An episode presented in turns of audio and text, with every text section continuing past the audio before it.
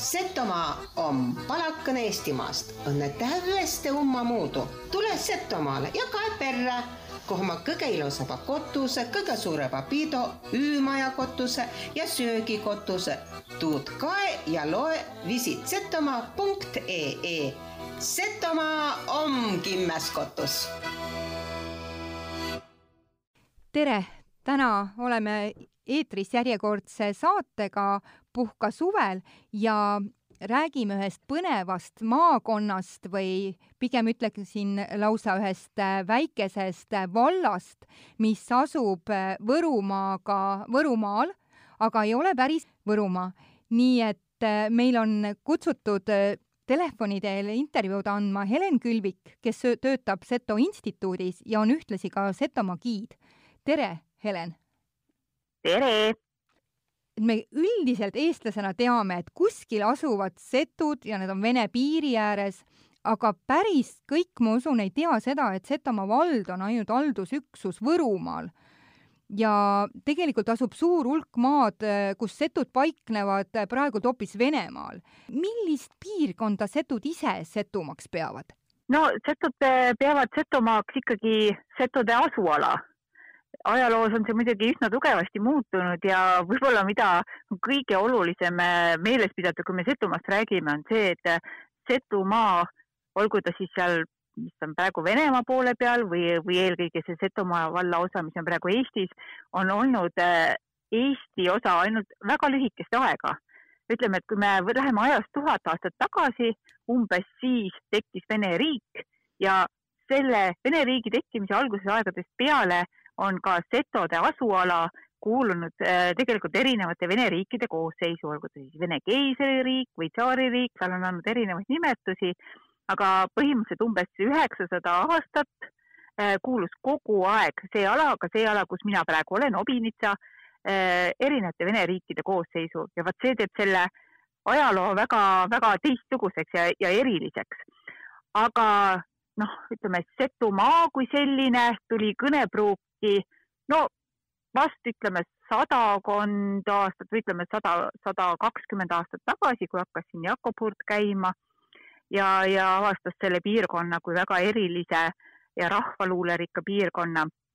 ja noh, võib-olla siis mõnes mõttes olulisemalt kinnistus eh, Setomaa eh, tuhande üheksasaja kahekümnendast aastast alates, kui setode asuala liideti esmakordselt Eestimaaga aga siis ei nimetatud seda piirkonda äh, ametlikult mitte Seto maakonnaks, vaid hoopis Petseri maakonnaks. nii et aastast tuhat üheksasada kakskümmend oli siis see aeg, kui liideti setode asuala Eestiga ja nimeks oli Petseri maakond. aga toonases Petseri maakonnas oli äh, setosid vaid umbes neljandik, et see oli segaasustusega piirkond ja tegelikult me ei saagi nagu täpselt öelda, et kust jookseb täpselt see seto asuala piir sellepärast et eriti selle praeguse Venemaa territooriumil on seto ja vene külad olnud vaheldumisi täiesti kõrvuti seal, mõnel pool oli võib-olla seal paar seto küla ühes kambas ja, ja mõned siis vene külad veidi eraldi, aga üldiselt elati kogu aeg üksteise kõrval ja sellepärast on seda ranget piiri olnud täiesti võimatu tõmmata. ja noh, nii me võimegi öelda, et Setomaa on see, kus setod elavad noh, praegu on põhiliselt ikkagi loetakse Setomaaks seda Eesti-poolset ala, aga noh, setod ise kindlasti ka neid endiseid asualasid, mis jäävad praegu Venemaa territooriumile, et see on selge nagu aamen kirikus, et setode enda jaoks on ka see Setomaa ja see on ka nende maa. täiesti mõistetav. Aga Helen, tahtsingi kohe üle küsida, et mis asi veel on siis setude kuningriik? no Setukude kuningriik on äh, selline uuema aja nähtus, et äh, kui äh, kui Eesti sai iseseisvaks, taasiseseisvaks üheksakümnendate aastate alguses, siis noh, tegelikult tekkis esmakordselt selline situatsioon, et Setode maa oli lõigatud kaheks. no põhimõtteliselt see praegune nii-öelda piir tekkis küll juba peale teist maailmasõda, aga no siis oli meil tegemist ju Nõukogude Venemaaga ja Nõukogude Eestiga mis tähendas seda, et inimesed võisid ikkagi liikuda edasi-tagasi, et seda reaalset piiri ei olnud. aga kui üheksakümnendatel aastatel sai Eesti vabaks, siis tegelikult tekkis raudne eesriie ja inimesed enam ei saanud vabalt liikuda ja palju selliseid kokkusaamisvõimalusi kadus ära. ja vot siis sellised setode ärksamad pead eesotsas äh, rahvaluule teadlase Paul Haguga. Mõtlesid, et setodel võiks olla selline kokkusaamise koht või selline noh, mis tooks kõik setod omavahel kokku, sest muidu on ikka niimoodi, et siin on hästi tähtsad piirkondlikud pühad, ütleme, et Obinitsas on meil paasapäev äh,, Värskas on jüripäev, see kõige tähtsam ja inimesed käivad piirkonniti kokku, aga võiks olla midagi sellist ühist ja suurt, mis seoks tõesti kõik kokku, setud kokku. ja üheksakümne neljandal aastal siis metsasoomlaste kuningriigi eeskujul kuulutatigi välja esimene Seto kuningriik Obinitsas. ja see on siis äh, põhimõtteliselt üheks päevaks kuulutavad setod välja kuningriigi, kus kehtivad Seto kuningriigi seadused. kes tahab kuningriiki tulla, peab äh, lunastama endale viisa. Äh, Seto kuningriigis valitakse noh, ütleme selline kuninga, kuningale siis õukond, et parim, parimad hansameistrid, parimad leivategijad, parimad sõirategijad, parimad pirukaküpsetajad, veinimeistrid ja nii edasi, äh, tantsijad, lauljad.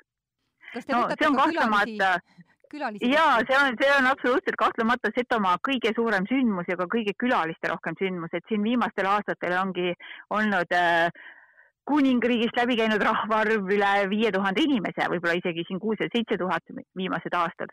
ja tavaliselt toimub see kuningriigi päev augusti esimesel laupäeval, aga sel aastal on see edasi lükatud septembri esimese laupäeva peale, nii et äh, esi-, viiendal septembril kahe tuhande kahekümnendal aastal toimub Seto kuningriik väikeses Kolossova külas Setomaal, mis on tõesti väga väikene küla, aga hingelt suur ja ma arvan, et see saab olema väga äge, sest see on väga ilusa koha peal Piusa jõe kaldal setud on veel ühe asjaga hakkama saanud, mida mina ei ole kuulnud, et eh, mingi teine, kas vald või piirkond, et teil on isegi oma raha nagu käibel. rääkige natuke sellest ka. ja, ja setud, no ka kuningriigis ikka peab oma raha olema. kas see no, on ka, mis on üheks see... päevaks või on see? ja see on ikka selline püsisem raha, et äh, ma tean, et paljud arvavad, et see on lihtsalt mingi nagu selline mänguraha, aga ei ole, see on nagu päris, päris asi. Seto kuningriigis kehtib Seto kroon, kuningriigis ikka peab olema kroon, onju. ja Järvelill, kes on äh, Seto panga esimees, äh, ajas omal ajal, see oli vist kümmekond aastat või isegi veidi juba rohkem tagasi, ajaski välja päris Setode oma raha ja see on päriselt kehtiv maksevahend. Kurss on üks ühele euroga ja seda saab siis kasutada Seto kuningriigis valdavalt Äh, peaaegu kõikides asutustes, kui siin ringi käia, kas toidukohtades või erinevates vaatamisväärsuskohtades, saab seda täiesti tavalise rahana kasutada.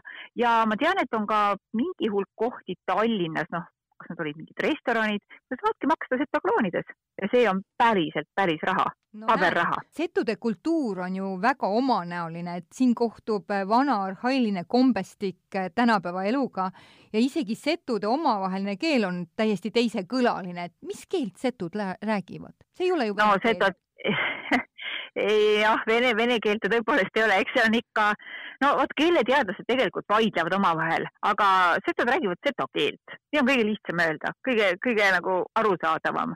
aga keeleteadlased noh, on natuke erineval seisukohal, et ühed ütlevad, et see seto keel, eks ole, tema on nagu selle võru keele noh, murre ja võru keel omakorda on eesti keele murre, aga on ka teised teadlased, kes ütlevad, et lõuna-eesti keel on täiesti eraldi keel ja selle kirjakeel oli lõuna-eesti võru... keel vanasti. ja, ja no nüüd on kirjakeel põhja-eesti keel, aga et on võru keel, setu keel ja mulgi keel ja siis veel on tegelikult ka tartu keelt eristatakse. nii et äh, noh, keeleteadlased, noh, nemad vaidlevad, setud räägivad ikka oma keelt edasi, aga noh, võru keelega on see väga sarnane, küsitakse, et mis on need erinevused, no seal on äh, teatud grammatilised erinevused, aga sõnavaras on kindlasti rohkem erinevusi, et äh, setodel on kahtlemata vene keelest äh, tulnud laensõnu palju rohkem, kui seda on võrokestel. ja teil on vist natukene häälduses ka need silbihääldused ja kuidagi? jah, selline hästi-hästi nagu pehme keel läheb niisuguseks pehmeks ja näiteks ka selline noh, ütleme venepärane võib-olla natukene L ja, ja S on hästi pehmed, et näiteks mina istun siin praegu äh, Miku külas ja minu naaberkülad on Melso ja Vasla. Noh, põhjaeestlane ilmselt ütleks Melso ja Vasla, et mul on vahel ka tulnud sõbrad kuskilt Tallinnast küsinud, me ütleme Mel, me kuskil Melso, et ma, ma sageli ei saa isegi enam aru, mida nad ütlevad. see on Melso, no niimoodi keel läheb pehmeks. Ja siis meil on hästi palju ka selliseid ova ja ja hüvalõppe, lõpulisi kohanimesid ja otsanimelisi nagu Podmotsa, siis on siin Küllatova ja Marinova ja sellised nagu noh, ka kergelt, kerge slaavipärase maiguga kui me nüüd rääkisime ka sellest eh, Setude kuningriigi suurest päevast, siis milliseid pidustusi ja üritusi te sellel suvel või vastu niimoodi ka sügist eh, üldse korraldate veel, et mida tulla kaema? ja meil on eh, päris palju sündmusi tulemas. Noh, Setudel endal on väga tähtsad erinevad kirikupühad aga noh, need on võib-olla tõesti pigem niimoodi sissepoole suunatud sündmused. samas, kui tulla väiksema seltskonnaga, et austada kohalikke kombeid, siis kindlasti võivad ka väliskülalised tulla vaatama. et võib-olla siis kõige rahvarohkem neist on Obinitsa paasapäev, mida peetakse üheksateistkümnendal augustil, see on kirikupüha. ja siis äh, Päädnitsa päev, mida peetakse Saatses, see on Saatse kirikupüha juuli viimasel reedel aga kui me nüüd jätame need kirikupühad kõrvale, eh, siis eh, kindlasti tasub vaadata Setomaa muuseumite Facebooki külge. Setomaa muuseumid korraldavad erinevaid sündmusi, näiteks ma tean, et eh, neljandal juulil on tulemas niitmise õpituba ja üldse selline heinatööde õpipäev ja nad korraldavad palju selliseid erinevaid teemapäevi. Aga kui me räägime suurematest sündmustest, siis ilmselt üks kõige suuremaid, sündmusi, kuhu ma tõesti väga soovitan tulla, on Setomaa kostipäiv. kostipäiv tähendab siis no koht, kohvikute päev meie mõistes. nii, ja millal see põnev üritus tuleb? see on viieteistkümnendal ja kuueteistkümnendal augustil, et selline augustikuu keskpaik on valitud sellepärast, et siis on nagu kõik see suurepärane, mida emake loodus meile annab, on valmis saanud, kõik see värske tomat ja värske soolakurk ja seened, Setomaa on ju tuntud seente poolest, marjad, noh, mustikad, et kõik on valmis.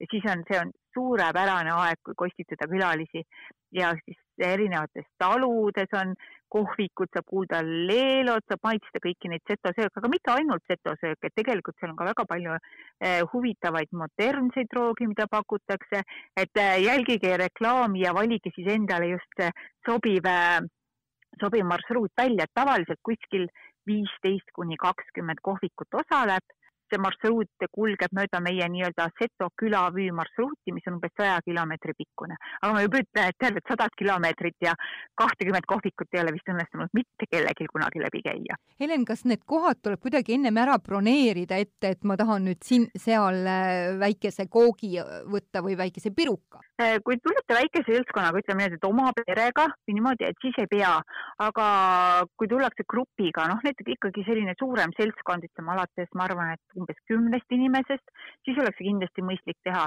Ja eriti kui ikkagi veel suurema seltskonnaga tullakse, siis on see lausa kohustuslik. Ja kõik äh, kohvikud äh, selliseid, äh, ütleme, suuri grupitellimusi ei teenenda, aga vastav info ilmub nii Facebooki kui ka kodulehele, et saate ilusasti jälgida aga see on siis äh, Setomaa kodulehekülg või kus kohas? ma soovitan jälgida Visit Setomaa Facebooki lehekülge ah. ja kui te tahate üldse turismiinfot, siis ka Visit Setomaa veebilehekülg on see esimene värav kus turist sisse tulles peaks kogu oma info kätte saama, seal on meil kultuurikalender olemas, äh, saate võtta lahti konkreetse kuu, vaadata, mis kuupäeval, kus midagi toimub, seal on nii kirikupühad kui ka sellised äh, kaugematele külalistele suunatud sündmused ja Instagrami konto on Visit Setomaal olemas, et äh, sealt saab selle kõige kiirema info kätte.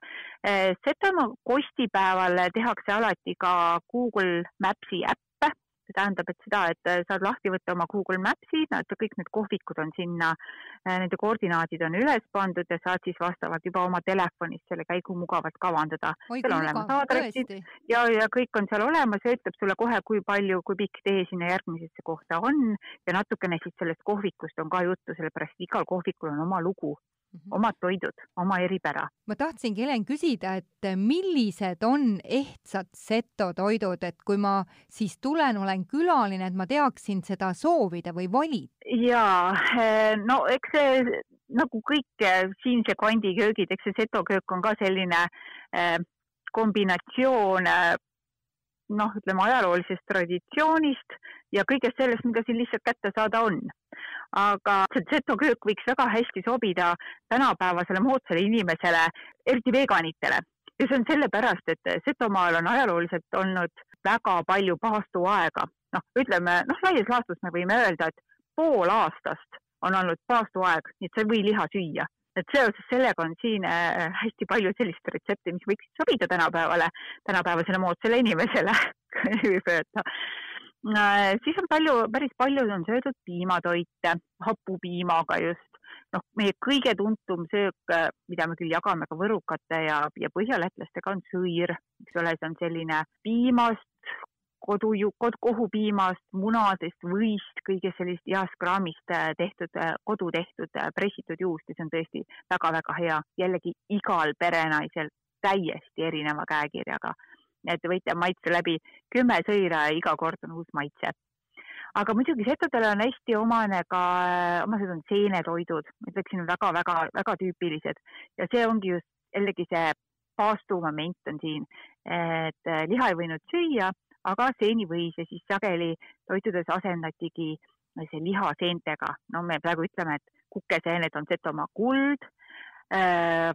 Setod ise muide ei ole kukeseeni teadmisi heaks söögiseeneks pidanud, vaid on hinnanud hoopis puravikke nii et äh, aga noh, tänapäeval jällegi, et kuna, kuna nagu külalistele väga maitsevad kukeseened äh,, siis muidugi juba pakutakse neid ka.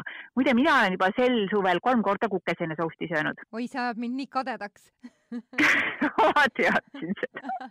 kusjuures ma olen ja. kuskilt lugenud, et enamik kukeseeni, mida müüakse, ongi setude käest, setu juurest. ja, ja noh, hinnanguliselt kuskil kaheksakümmend protsenti peaks see olema no ma, ma olen ka kuulnud seda, et vahel öeldakse niimoodi, et tegelikult on Setomaalt äh, korjatud, aga siis näiteks Helsingi turul öeldakse, et Saaremaalt, vaata äh, soomlaste jaoks on praegu ikkagi veel Saaremaa nagu selline tuntum tegija kui Setomaa.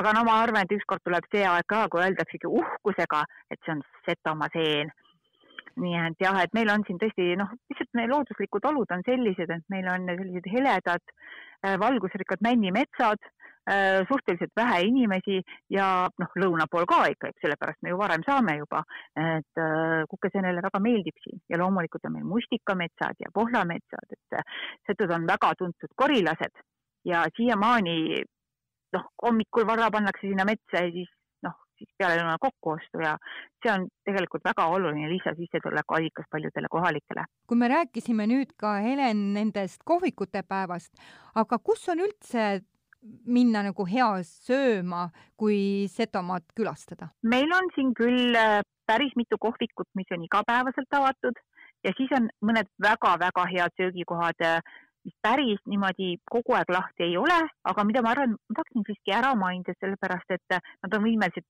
osaliselt küllalt ruttu reageerima. aga kui ma nüüd alustan, noh, kõige tuntumad on vast Obinitsas asuv Taarkatare mm. -hmm kohe Obinitsa südames Tarka Tare köögikene. Tarka oli ju teie kuulus äh, rahvalaulik. lauluema, just lauluema ja, ja tema juurde võime ka tagasi tulla ja tegelikult tema järgi ongi siis tema see söögikoht ka nime saanud.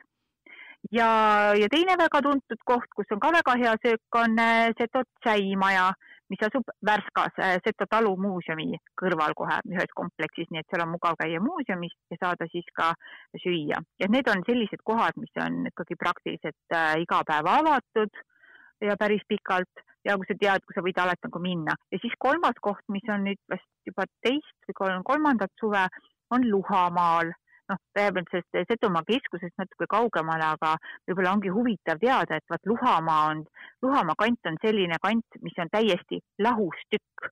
et ma, ma ei tea ühtegi teist Eesti maismaa või isegi ka vist mitte saarelist valda, noh, saarte puhul seda ilmselt on, aga, aga just maismaa valla puhul, kus oleks üks tükk vallast on täiesti eraldi, tal ei ole muu vallaosaga mingisugust piiri. Oh,, aga vaat Luhamaa nurk on selline.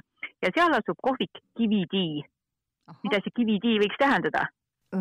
järsku midagi kiviga?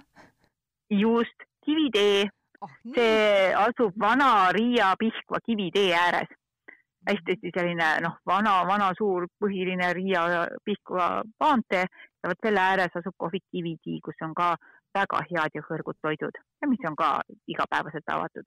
Ja neile, kes oma reisi natukese ette planeerivad, sooviks, soovitaksin ma kindlasti külastada eh, Saatse lähedal Saapoldo külas olevat restorani Maakõkkene.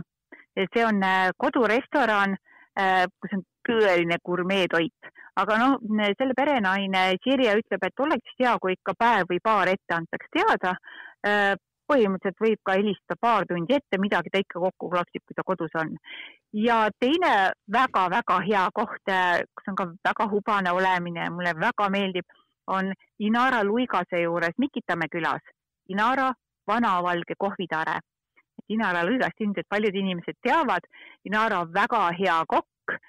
Tal on väga hea käsi ka sisekujundamisel, ta teeb suurepäraseid käsitööpelmeene, mida ma kindlasti soovitan seal proovida.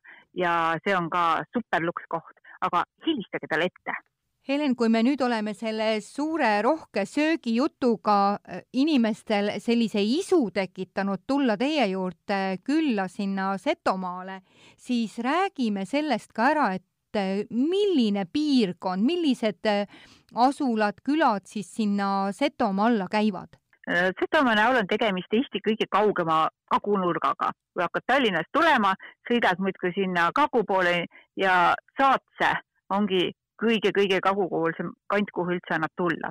noh, Tallinnast niisugune, kui suhteliselt kiiresti sõita, siis ütleme kolm pool, neli tundi pead ikkagi arvestama kohale saamiseks. Setode keskus on olnud Petseri, aga noh, Petseri paraku jäi nüüd teise poole peale ja tekkis olukord, et meil on vaja uut keskust ja nüüd on kujunenud Setomaa keskuseks, ka Setomaa vallakeskuseks Värska. et Värska ongi siis kõige suurem asula, seal on äh, peaaegu viissada elanikku ja siis on meil siin kindlasti tuntud on Obinitsa. Obinitsa on tuntud näiteks selle poolest, et siin oli kahe tuhande viieteistkümnendal aastal soome-ugri kultuuri pealinn oh,. selle soome-ugrilasi on maailmas kakskümmend viis miljonit.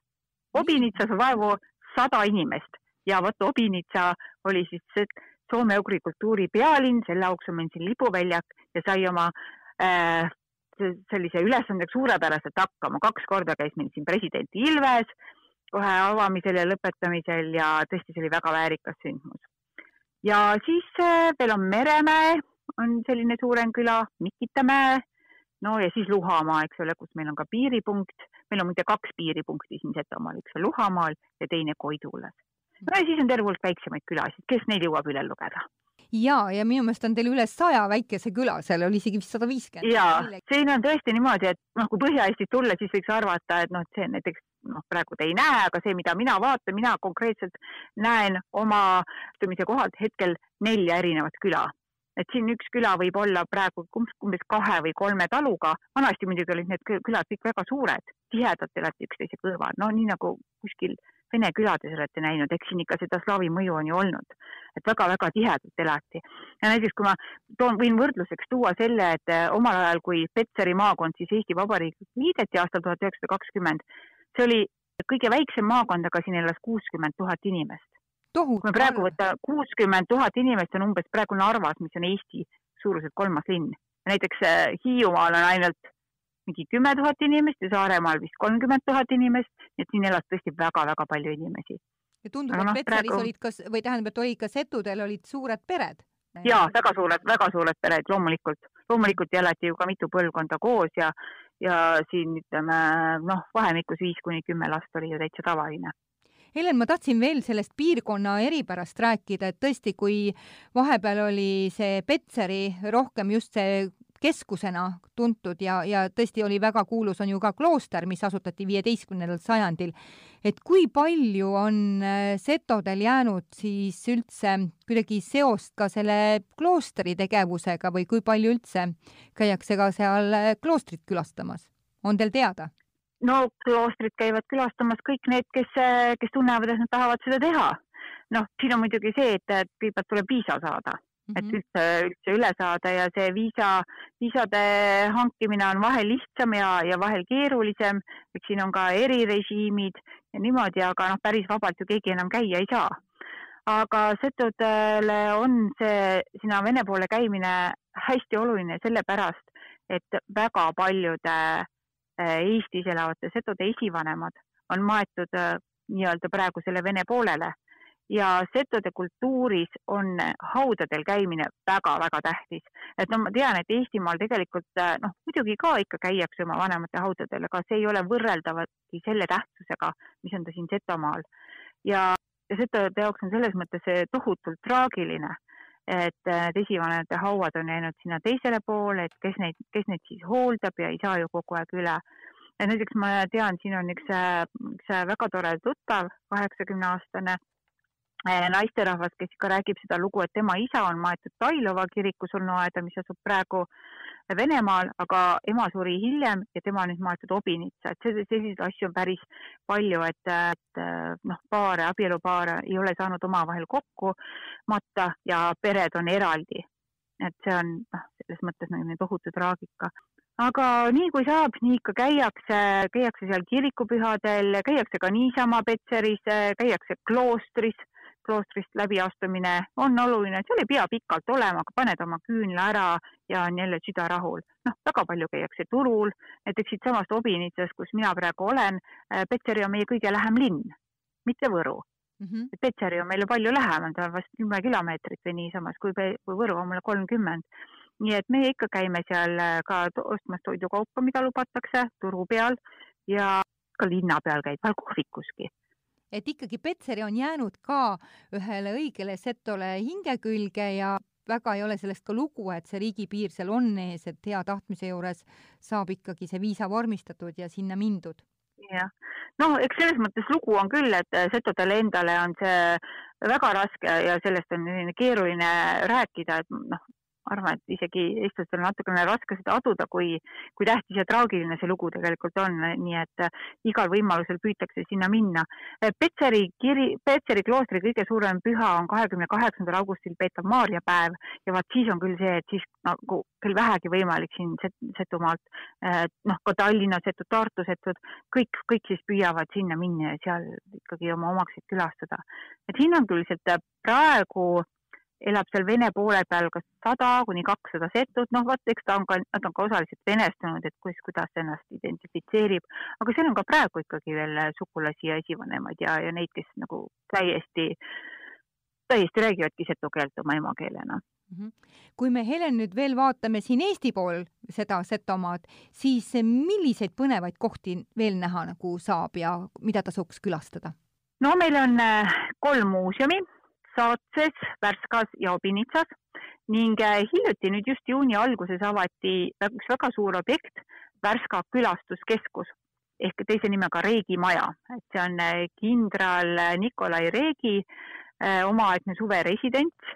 Ja see ähm, külastuskeskus siis eelkõige keskendub Värska kandi militaarsele ajaloole, et ma arvan, meil vist praegu ei ole nii palju aega, et hakata seda siin militaarset ajalugu lahti rääkima aga selle jaoks tuleb sinna ise kohale minna ja loomulikult käsit-, käsitleb see külastuskeskus ka sellist Värska äh, loodusressursse, milleks on muda ja mineraalvesi. mina ise, mulle, mulle meeldib väga käia, kui mul on siin külalised, niimoodi meeldib käia Vana-Jüri seebikojas. ja selline on see, et vot just, et mul inimesed ütlevad, et ka vahel, et kui mul on mingisugune selline programm ja küllaltki tihe, ütlevad, ah jätame selle seebikoja ära. ma ütlen, et ei jäta, ja pärast on niimoodi, et kõik ütlevad, et oh, kui hea, et me sinna seebikotta läksime. no seebikojas tegutseb eh, Silver Hütsi, tema on üks selline tõeliselt muhe ja ettevõtlik mees, kes tegutseb vastupidiselt igasugusele äriloogikale, aga ma ütlen talle seda, et ta on Eesti esimene ja seni ainus meessoost seebitegija, teate, te peate ise kohale ära minema. mina, mina seda lugu rääkima ei hakka, aga tal on lugu ja tema seebikoda on noh, täis selliseid hõrku seebilõhna ja tema seepe saab osta ainult sealt koha pealt, nii et pidage meeles, Vana-Jüri seebikoda Kolossovas tuleb kindlasti kohale minna. Äh,. siis üks äh, selline päris tore ajaviide on eriti nendele, kes äh, ööbivad Värska sanatooriumis või veekeskuses, on ähm, äh, laevasõidud Värska lahel. See mm -hmm. ja et see, see laevamarsruut kulgeb tegelikult pikki Eesti-Vene piiri et noh, kogu Setomaa on ju üks piiriala ja selles mõttes seal selle laevareisil on nagu õudselt hea tajuda, kuivõrd piiri ääres me kogu aeg oleme, et nüüd äh, laev laevamarsruut möödubki tegelikult täiesti piiripostist, tavaliselt istuvad seal kajakad otsas aga see on selline suurepärane võimalus vaadata, no teinekord on isegi kuulda, kuidas seal Vene poole peal kalurid omavahel midagi räägivad ja noh, nagu hoopis teistmoodi neid asju tajuda. ja eriti soovitan ma minna õhtusele päikeseloojangu reisile, niimoodi nad seda nimetavad. ja see on sellepärast, et just õhtud tavaliselt jäävad Värska lahel tuulevaikseks. Ja see on tõesti väga ilus päikeseloojang, plakutakse ka klaas veini või mahla, et kuidas, kuidas keegi tahab, et see on selline kas no. sinna tuleks nüüd ka ette, ette broneerida see aeg? ei, päikeseloojangu reisile ei tule, eriti kui tegemist on nagu väikese seltskonnaga, et need on regulaarselt väljuvad äh, liinid, vaadake www.setoline.ee, seto, setoline siis kirjutatakse, eks ole et see on sama firma, mis tegutseb Tartus, aga neil on Värskast regulaarsed väljumised nendele õhtustele reisidele ja ka päevastele äh, reisidele seal Värska lahel Lämmijärvel, et, et see on kindlasti selline asi, mida ma soovitan teha. noh, siis, äh, siis need muuseumid kindlasti kuskil süüa ja kui tullakse suurema seltskonnaga, äh, siis muidugi kindlasti võiksite kasutada võimalust kuulata Seto Leelot, noh et ma ei tea, kas tänapäeval keegi arvab, et setud käivad mööda tänavaid ringi või külavahed ringi ja muudkui leelotavad ja kannavad rõivaid, et tegelikult see ju niimoodi ei ole. ja kui tahta nüüd tõesti näha neid seto rõivaid ja kuulda seto leelot, siis eh, noh, tuleb ennast kas sättida vastavale pühale, noh, mõne, mõnele pühale, kus teada on, et, et kuuleb seda leelot näiteks kuningriik või mõni teine sündmus või siis ikkagi eh, tellida endale seto leelo koor esinema. Et just suuremate seltskondade puhul on see noh, täiesti tehtav kõlab väga ahvatlevalt. aga tahtsingi veel, Helen, selle kohta küsida, et kuna setude käsitöö on ju väga eriline ja teie rahvarõivad on kuulsad oma kuhiksõlgedega, mida naised kannavad, siis eh, millistel puhkudel setod üldse rahvarõivad kannavad ja milline kombestik on seotud teie rahvarõivastega? mm. -hmm. No ma võin öelda, et äh, setod panevad oma rahvarõivad ikka väga palju tihedamini selga kui eestlased, kes noh, mulle tundub, et ikkagi põhiliselt pannakse seda laulupeole, kas siis osalejana või vaatajana, aga no meil on neid pühi juba nii palju, noh muidugi igal pühal ei käida rahvarõivas, aga kui meil on kuningriik ja, ja siin ütleme leelokooride esinemised, sellised suuremad kohalikud kokkusaamised, siis tegelikult setsad panevad väga hea meelega ja rõõmsalt oma rahvarõivad selga. et tõesti noh, ma ei tea, ma arvan, et paar-kolmkümmend korda aastas panen mina kindlasti oma rõivad selga, kui isegi, isegi mitte rohkem. see on tõesti see väga tihe ja, ja no muidugi vaata need, kes laulavad näiteks rohkem, et nemad panevadki rohkem, kõik võib-olla nii palju ei pane. aga riietumine ise on muidugi omaette protsess, et äh, eks see võtab üksjagu aega, eriti naisterahvastel äh,, sest meil peab olema pea kaetud, kui on abielunaine, võib-olla olete näinud piltidel, et seto naisel on selline noh, mõnes mõttes selline kandiline, fikseeritud pea, et äh, selle nii-öelda päe tegemine, nagu me ütleme, pea tegemine võtab omajagu kaua aega ja. on lausa mitu rätikut on üksteise otsa pandud. ja, jah, jah, seda kõige alumist nimetatakse tegelikult linikuks. nii et abielu naisel peab olema alati pea kaetud, äh, kui sa seturahvrõivaid kannad, et see on nagu selline hästi oluline. no ja siis loomulikult need hõbeehted, eks ole, et mida rohkem, seda uhkem. setodel on ikkagi noh, valdavalt kantakse tõesti puhtast hõbedast ehteid, mis on äh, valmistatud Vene tsaaririigis omal ajal kehtinud äh, hõbekopikatest, mõnel ka rubladest ja loomulikult see sõlg, mis siis äh, noh, viitab eelkõige viljakas eas olevale naisterahvale, et äh, tõesti meie, meie komplekt on uhke ja võimas ja kui, kui noh, ma tean, et näiteks Kihnus ja ka osade Eesti rahvarõivastega on võimalik e-, niimoodi, et sa kombineerid midagi, no paned näiteks ainult seeliku, no ja peale näiteks T-särgi, siis Seto rahvarõiva puhul seda ei ole, sul on kas kõik või mitte midagi.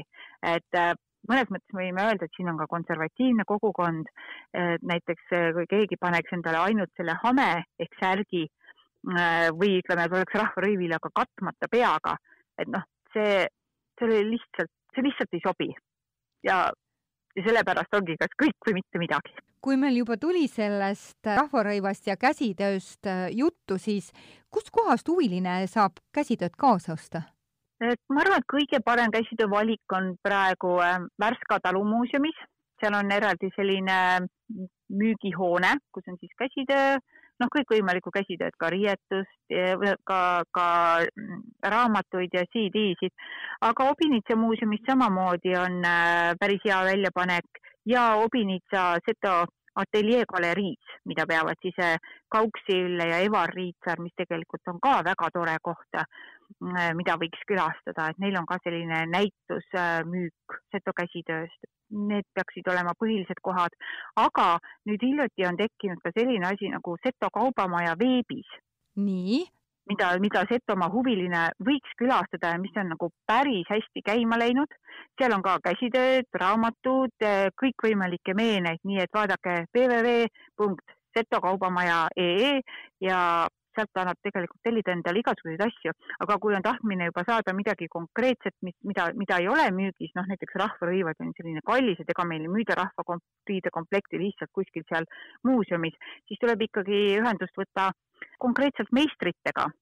Ja selle jaoks siis võiks vaadata Seto käsitöö kogu äh, veebilehte, seal neil peaks olema ka meistrid, et kes siis teeb peavööd või kes heegeldab pitsi või kes teeb meeste sukki ja igal asjal on oma meister olemas, et siis tuleb ikkagi tellimustööga tegemata, rääkimata hõbeehitest, et praegu meil on vist ainult üks tegev hõbeda, hõbesepp, kelleks ongi Evar Riitsaar, nii et näiteks sõle tegemine on jällegi selline, et tehakse ikkagi konkreetsele inimesele, et neid kuskil leti peal müügis ei olegi Helen, ma just täna hommikul mõtlesin selle kuhiksõle peale, et kui, ja ma olin ka kuulnud seda, et on need vanad hõbe Vene tsaariaja rahad. kas tänapäeva Eesti hõberahasid ka pannakse sinna? no pannakse ikka, pannakse igasuguseid asju saab ju tellida Hiinast praegu olematu raha eest mingisuguseid ülehõbetatud või hõbeda muljelisi rahasid ja seda tehakse. ja aga jällegi konservatiivne kogukond, siin on noh, tegelikult on terve hulk neid, kes ütlevad, et noh, too ei ole ta õige asi, noh, ole ei too. Aga sellel on põhjendus näiteks siis, kui minnakse Venemaale. kui sa tahad Venemaale minna rahvarõivastega ja hõbeda komplektiga, siis on see ligi võimatu, sellepärast et Vene toll tegelikult tahab, et selle noh, ütleme sellise ühes hõbeda või ütleme rahakees on näiteks kolmkümmend münti, siis iga münt tuleks eraldi deklareerida ja seda ei hakka ju muidugi keegi tegema, noh kujutad ette, sa pead iga mündi vene keeles eraldi üles kirjutama ja vot siis ongi, et kui käiakse Venemaal esinemas, et siis äh, kasutatakse küll neid nii-öelda noh, noh seda võltshõbedat ja siis. ütleme mõttes muhvleid, ja. ja, ja, ja. kui räägiks nüüd veel põnevatest kohtadest, näiteks mida, kuhu lastega minna ja no lastega on ka seal vee peal väga tore kindlasti, aga mm, veekeskus on muidugi, meil on Värska-Asu veekeskus, seal saab äh, mineraalvannides ujuda, seal on mõnus ujula, et lastega ööbimiseks ja üldse olemiseks on kindlasti see Värska veekeskus just väga hea. noh, muuseumitel on ka omad programmid, aga noh, mingisugust eraldi sellist Lottemaad või, või tohutut sellist äh, tõmbenumbrit lastele meil ei ole, aga äh, Seto tinglikult ka Setomaale või ütleme, Setomaa vaatamisväärsuste hulka jääb üks laste lemmikkoht, milleks on äh, piusakoopad ja karjäär. et tegelikult see, kuna, kuna noh, ütleme niimoodi, et äh, ta füüsiliselt asub Setomaa territooriumi taga, no mõnisada meetrit sellest piirist, eks ole, aga kui sa oled juba Setomaal käimas, siis loomulikult seda piirkonda ju vaadatakse tervikuna ja kahtlemata lastega peredele ongi see ikkagi väga tore vaatamiskoht, et paljud on seal juba ka käinud, aga näiteks minu lapsed on võim-, noh, alati valmis sinna tagasi minema et nõus. üks asi on see mhm. koopad, aga teine asi on see karjäär, noh, see on ju ikkagi võib öelda, et see on Eesti suurim liivakast, seal on imeliselt mõnus selline valge liiv ja siis on seal all need vanade karjääri madalamad osad, kuhu praegu on kogunenud vesi, kus väiksemad lapsed saavad ka täiesti ohutult ja turvaliselt sulistada. see on tõesti selline väga-väga popp koht, kus pere, peredega meelsasti käiakse kui nüüd tulla sõpradega teie, teie juurde, siis millised on seiklus- või matkarajad, mida saaks läbida? kõige rohkem mina soovitaksin Piusa üürkorus kulgevat matkarada. Äh, see on kolmeteistkümne kilomeetri pikkune, algab ta Vasseliina lossi varemete juurest, mis ka muide on täpselt samamoodi nagu Piusa koopad, väga tore vaatamisväärsus, aga asub täpselt Setomaa piiri taga. aga no jällegi, kui sa oled juba siin, eks ole, et on mõistlik nagu tervikuna vaadata.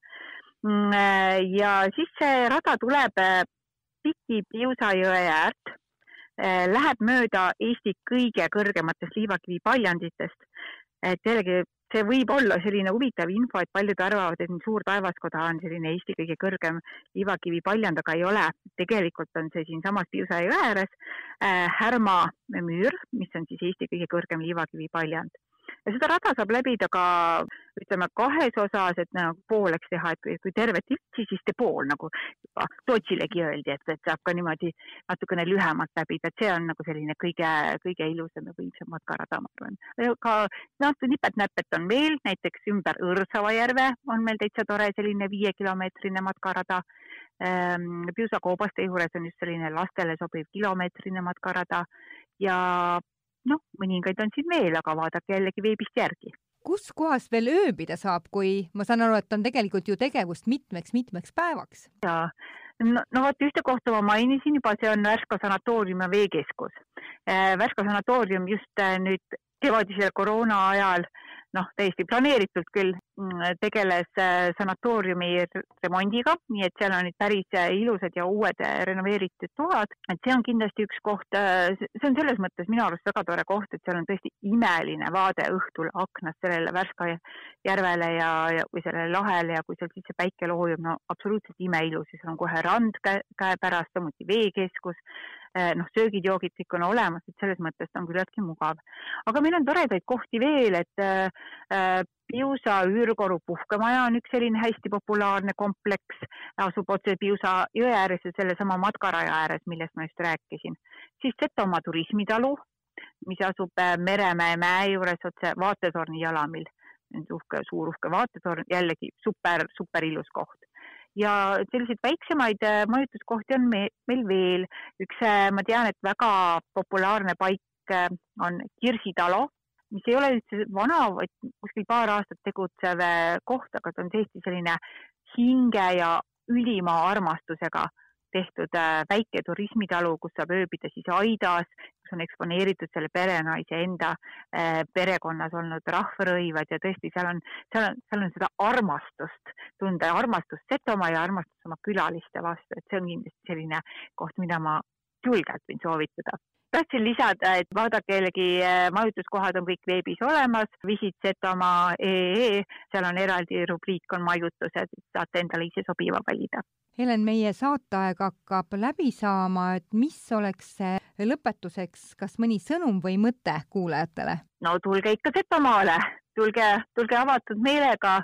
minu väga hea sõber ütleb, et äh, Setomaal on kõik täpselt nii nagu Eestis, aga täiesti teistmoodi ja tal on tuline õigus, aga selle kogemiseks, et noh, kuidas ta siis on niimoodi, et ühest küljest on see täpselt nagu, nagu meil, aga samas nagu, nagu nii teistmoodi et selle kogemiseks lihtsalt peate ise kohale tulema äh,. varuge aega, ma tegelikult väga soovitaks võtta kohaliku giidi, sellepärast ma olen kuulnud, et Setomaal on täiesti võimalik niimoodi ära käida, käia, et sa käid kas Värskas, Obinitsas, tegelikult ei näe mitte midagi, sa ei kuule, sa ei kuule võib-olla isegi neid kohalikke inimesi siin seto keeles rääkimas. kes vähegi tahab süveneda, ma väga soovitan, võtke endale keegi kohalik teejuhiks kes oskab teid ka viia nende kohtade juurde, noh, millest me võib-olla praegu ei jõudnud rääkidagi. no siin terve hulk on selliseid salakohti, mida praegu noh, niimoodi tervele äh, Eestile ei hakka rääkima, aga, aga kui te võtate selle kohaliku inimese abi, vaat siis te alles te saate aru, mis asi on Setomaa päriselt. Nende heade mõtetega me täna lõpetame